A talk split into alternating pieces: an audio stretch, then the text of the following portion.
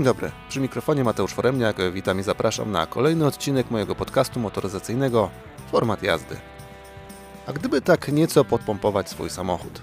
Pewnie sporo osób miewa takie myśli, szczególnie po kilku latach bez zmiany.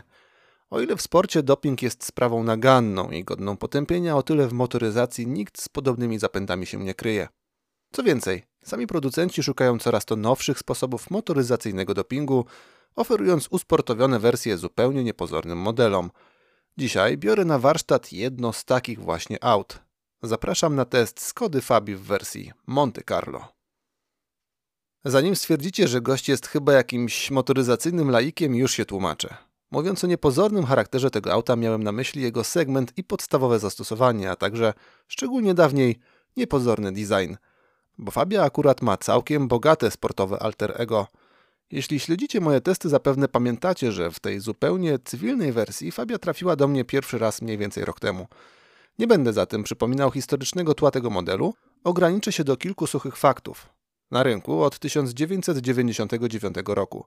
Cztery generacje, sprzedaż dobijająca do 5 milionów egzemplarzy. Tyle, jeśli chodzi o to, z czego Fabia znana jest powszechnie. Po więcej odsyłam do 12 odcinka mojego podcastu lub na Instagrama lub Facebooka. Nieco mniej powszechnie znana jest jej sportowa strona. Skoda jako marka w zasadzie od swoich początków mocno osadzona jest w świecie motorsportu, wykorzystując obecność w nim do oderwania się od swojego zwyczajnego pospolitego, a także mówiąc wprost, nieco nudnego wizerunku. Z Fabią postanowiono wykorzystać tę ścieżkę i stworzono naprawdę szanowaną dynastię odnoszącą sukcesy na rajdowych trasach. Może nie tych najbardziej medialnych, a więc WRC, ale wszystko poniżej – Różne wcielenia Fabii figurują na wielu listach zwycięzców poszczególnych rajdów i całych sezonów. Pierwsze, typowo rajdowe wcielenie Fabii, a więc Fabia WRC zadebiutowało w 2003 roku.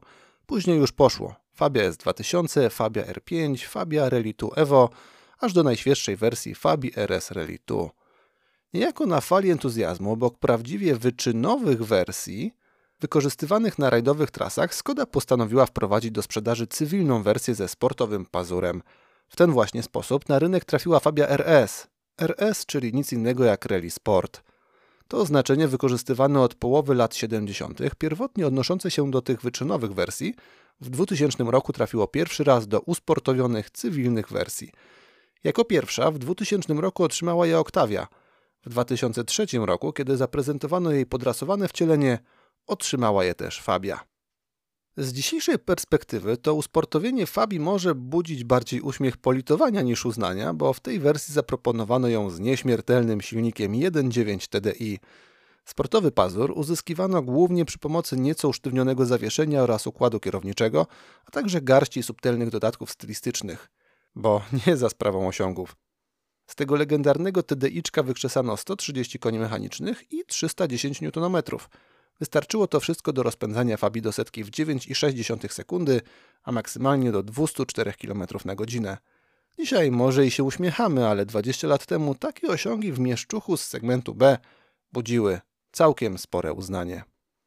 Pierwsza generacja RS-ki wytrwała do 2007 roku. Zeszła ze sceny wraz z pierwszą generacją zwykłej Fabii i nastąpiła trzyletnia przerwa – Dopiero w 2010 roku przy okazji liftingu drugiej generacji Skoda wróciła do pomysłu ostrej Fabii. Tym razem naprawdę ostrej, bo choć pod maską pracował pozornie dosyć wątły silnik 1.4 TSI, miał on moc aż 180 koni mechanicznych. Do tego 250 Nm popędzanych przez 7-biegową dwusprzęgłową skrzynię DSG. To pozwalało setkę wykręcić w 7,3 sekundy, a maksymalnie rozpędzić Fabię aż do 224 km na godzinę. Kiedy dodamy do tego spore felgi i zawieszenie wraz z układem kierowniczym o autentycznie sportowej, a nie codziennej charakterystyce, okazywało się, że Skoda wypuściła wilka w owczej skórze. Nie wyglądającego groźnie, ale będącego bardzo rasowym kawałkiem motoryzacji. Fabia RS zniknęła z rynku tak zupełnie w 2014 roku, bo z tym modelem był jeden, ale bardzo poważny z punktu widzenia biznesowego problem. Nie sprzedawał się. Wszyscy lubią ten samochód, ale tylko garstka ludzi go kupuje. To cytat z jednego z ówczesnych członków zarządu marki. Dzisiaj dorzucilibyśmy jeszcze kwestię awaryjności wspomnianej jednostki napędowej, która okazała się być taka jak jego osiągi, ponadprzeciętna. Mimo wszystko szkoda, bo był to w zasadzie hot hatch Zarządzający marką nie mylili się. W swojej charakterystyce był to bardzo udany projekt, ale tabelki muszą się zgadzać, nawet w kontekście tak popularnego modelu jak Fabia. Kilkadziesiąt tysięcy sprzedanych egzemplarzy, sprzedażowa porażka, a także zmieniające się normy emisji spalin nie zniechęciły Skody do eksperymentowania ze sportowymi akcentami w Fabii. No właśnie, akcenty to słowo klucz w tym przypadku, ponieważ nowy pomysł na mniej pospolitą odmianę Fabii sprowadził się w głównej mierze do dorzucenia pazura, a nie zrobieniu zwierzaka. Tak właśnie powstała wersja Monte Carlo, wprowadzona na rynek w 2011 roku, funkcjonująca na początku swojej kariery pomiędzy Fabią dla ludu i tą dla szaleńców. Miała być też hołdem złożonym 110-letniej wówczas obecności Skody w motorsporcie. Trochę to pokrętna logika, biorąc pod uwagę, że sprzedawana była wtedy też wersja RS, ale zostawmy to z boku. Wersja Monte Carlo stawiała na dodatki i tak pozostało do dnia dzisiejszego. W przeciwieństwie do RS-ki, tutaj nie ma i nie było mowy o dużych zmianach w zawieszeniu i układzie kierowniczym. Otrzymujemy te same wymiary, generalnie ten sam wygląd co w innych wersjach. Spoko, bo Fabia w czwartym wcieleniu wygląda naprawdę zacnie i może się podobać.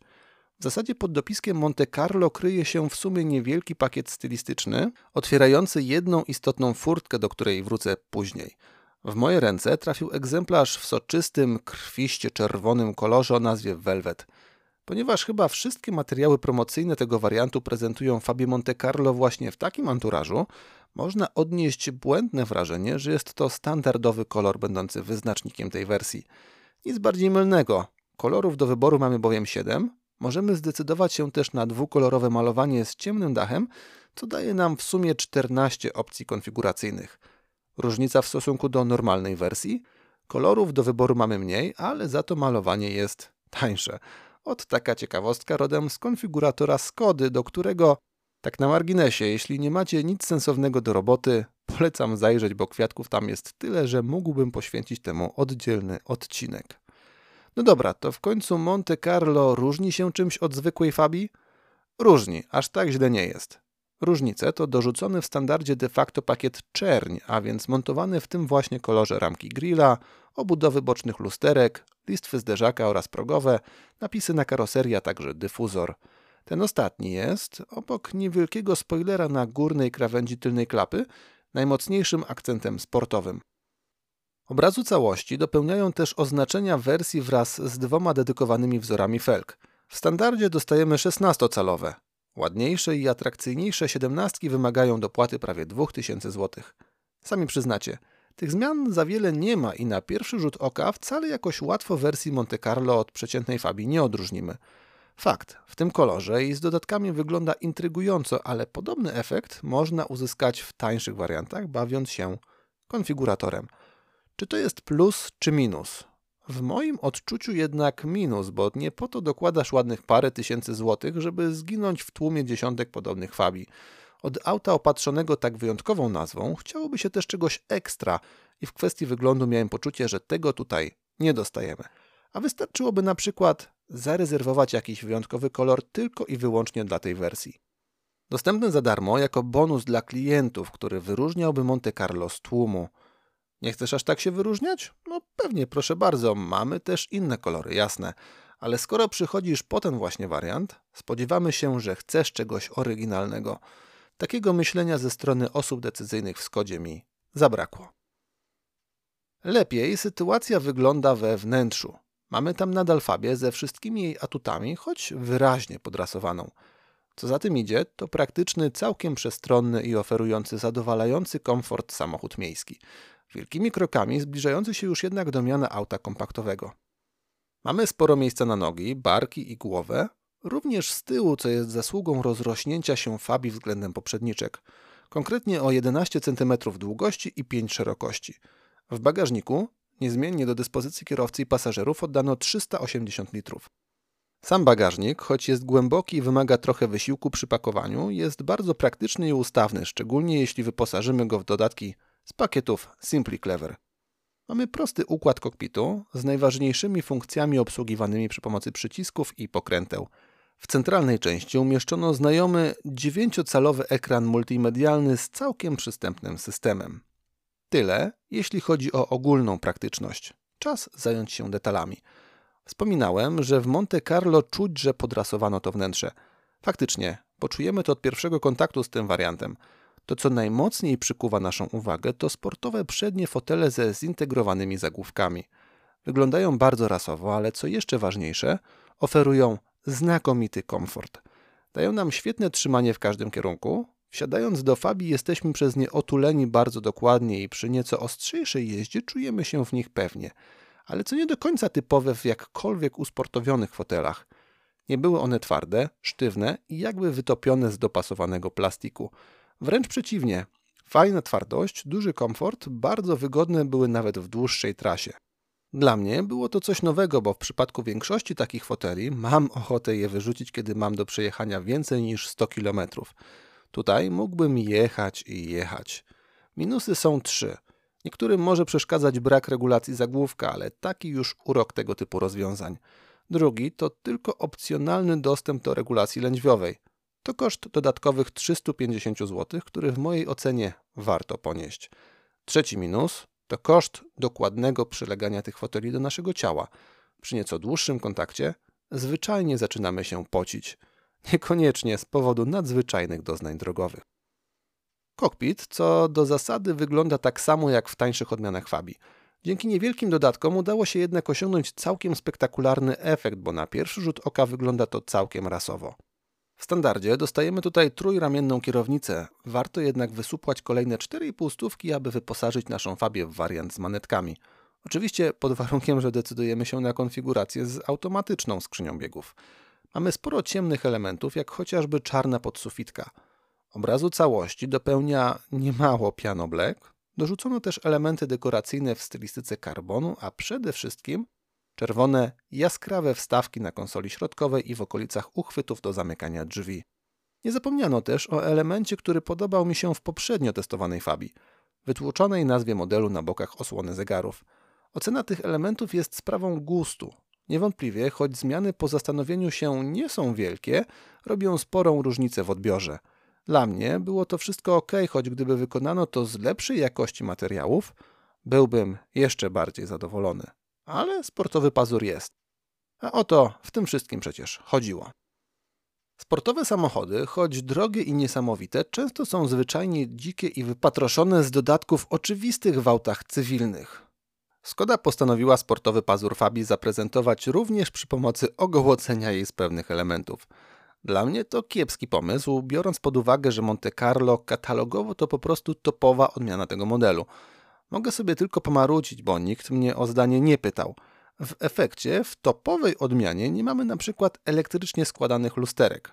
W konfiguracji z automatyczną skrzynią mamy na pokładzie zwykły hamulec ręczny, choć może chodziło o ułatwienie nam wprowadzania fabii w kontrolowany poślizg? No, nie wiem.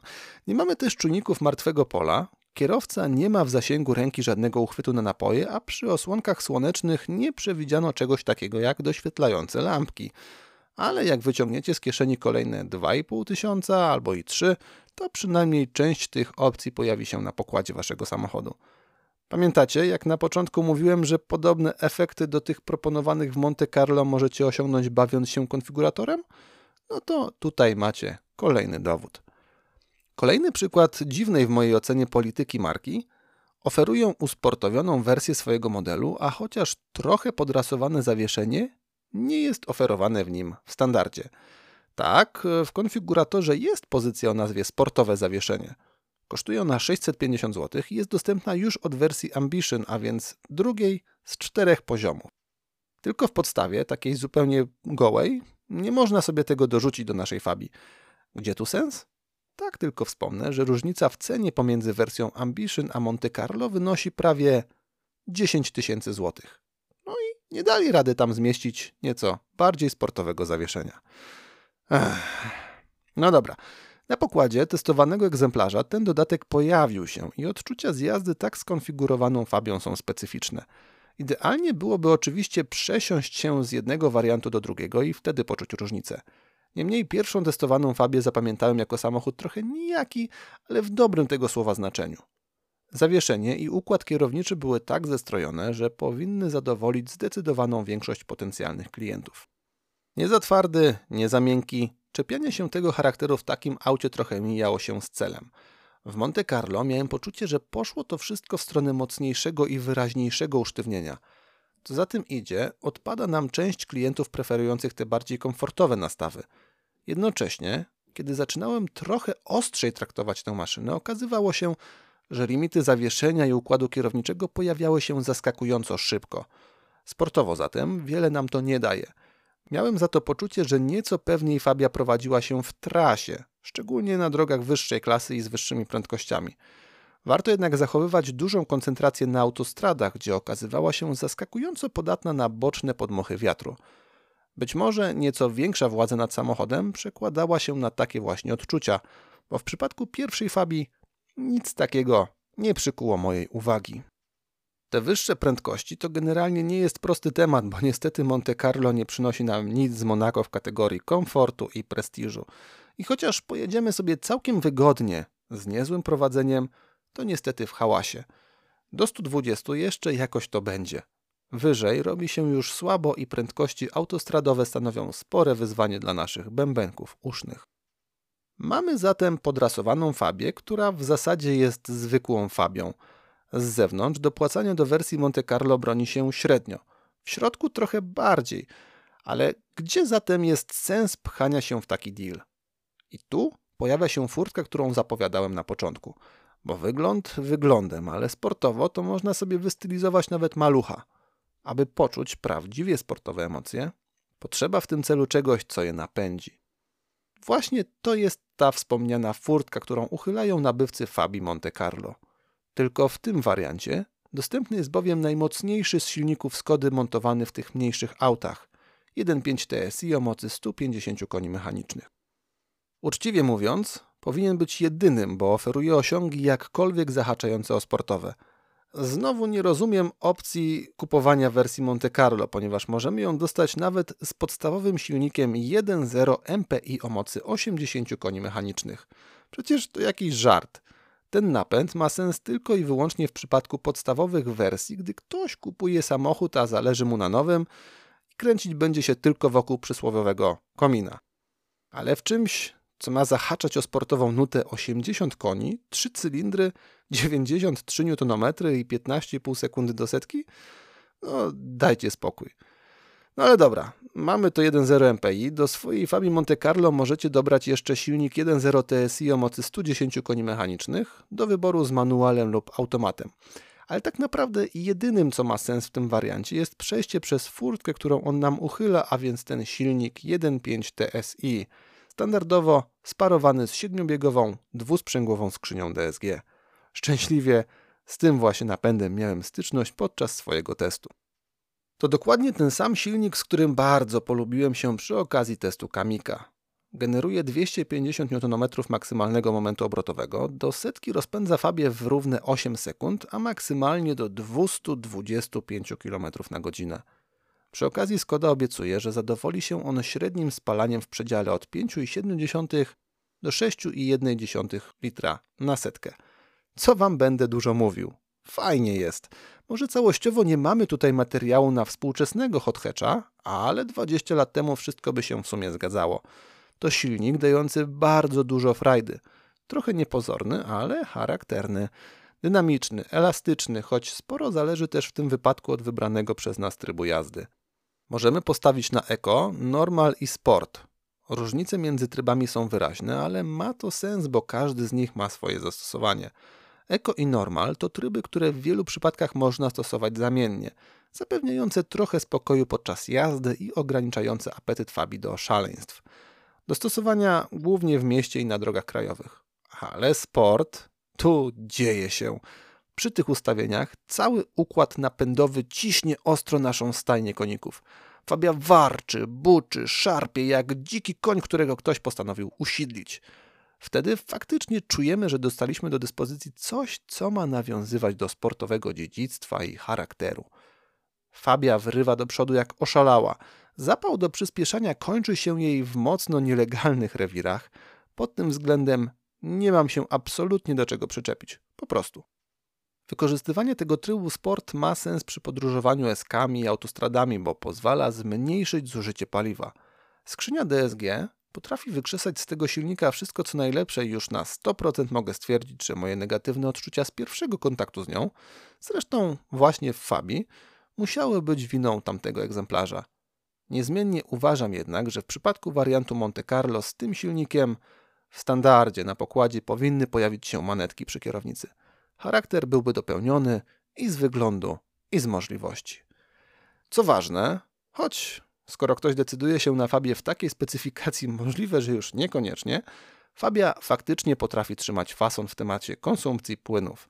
Nawet w trybie sport nie pojawia się jej wir w baku, choć tak jak wspominałem, w głowie może się nam zakręcić. Podczas kręcenia się po mieście Fabia potrzebowała od 5,8 do 6,5 litra na setkę. Bardzo przyzwoicie, tym bardziej, że to przedział obejmujący wszystkie warianty jazdy.